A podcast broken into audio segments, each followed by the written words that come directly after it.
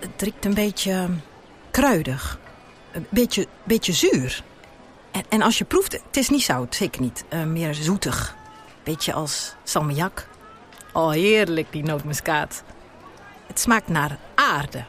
Maar dan frisse aarde. Niet zoals die stinkende aarde onder mijn voeten. Nee, dit stinkt naar bedorven vis, pis, geronnen bloed. Ja, dus wat een nootmuskaat en dan kaneel en peper. Dan, volgende kraam. Vijf duiven, twee zwanen.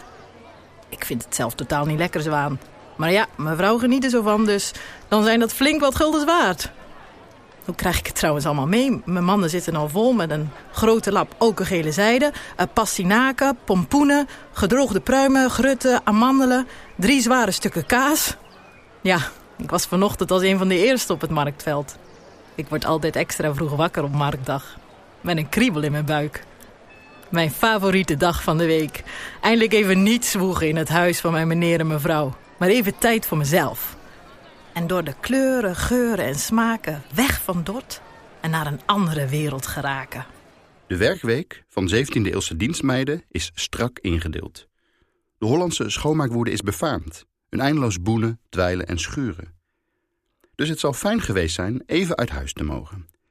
En als je wat wil beleven, dan moet je hier zijn, op de markt. In de 17e eeuw groeit de Hollandse economie ongekend snel. Er wordt besloten hier de huizen aan beide zijdes van de haven te slopen, om zo een soort plein te creëren. Het marktveld. Dat juist voor deze plek wordt gekozen is geen toeval. Al eeuwenlang staat hier de stadswaag. Groot met een imposante gevel en torentjes. Het is hier een drukte van belang. De shoppingmall van Dordrecht. Schepen kunnen tot aan het plein komen. Met groente en fruit uit de Zwijndrechtse Waard. Slagers verkopen populaire bloedworst, beuling. En er zijn, om maar wat te noemen, brouwerijen, hoedemakers, ketellappers en kaaskopers. En in de zomer is het hier van zonsopgang tot het middaguur een gekakel van je welste, letterlijk. Dan wordt gevogelte verkocht, waaronder zelfs zwaan, een dure delicatesse, hoewel over de smaak de meningen uiteenlopen. Spannend zijn ook de exotische producten. Specerijen als kruidnagel of peper worden al eeuwen aangevoerd over de Aziatische landroutes, maar zijn te duur voor de gewone man.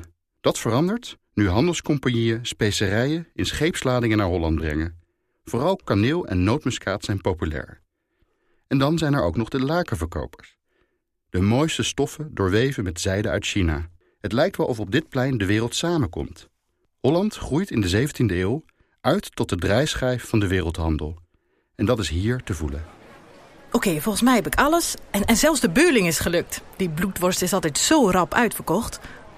Auw! Kijk nou uit waar je loopt, Jos Smeerkanus. Platbroek, hennetaster. Och, wat is het druk vandaag. Loop nou toch eens door. Iedereen staat er maar. Ah, kijk bij de brug. Het is weer zover. Het schavot staat al klaar. Op het marktveld is het spannend om een nog heel andere reden. Hier vinden ook executies plaats. Meestal door onthoofding, wurging of ophanging. En dan wordt het pas echt druk. Doodvonnissen zijn zeldzaam en daarom sensationeel. Vooral moord en verkrachting leiden tot doodstraf. De lichamen worden na de executie tegenover de Grootwalspoort... aan de andere zijde van de rivier opgehangen als afstrikmiddel.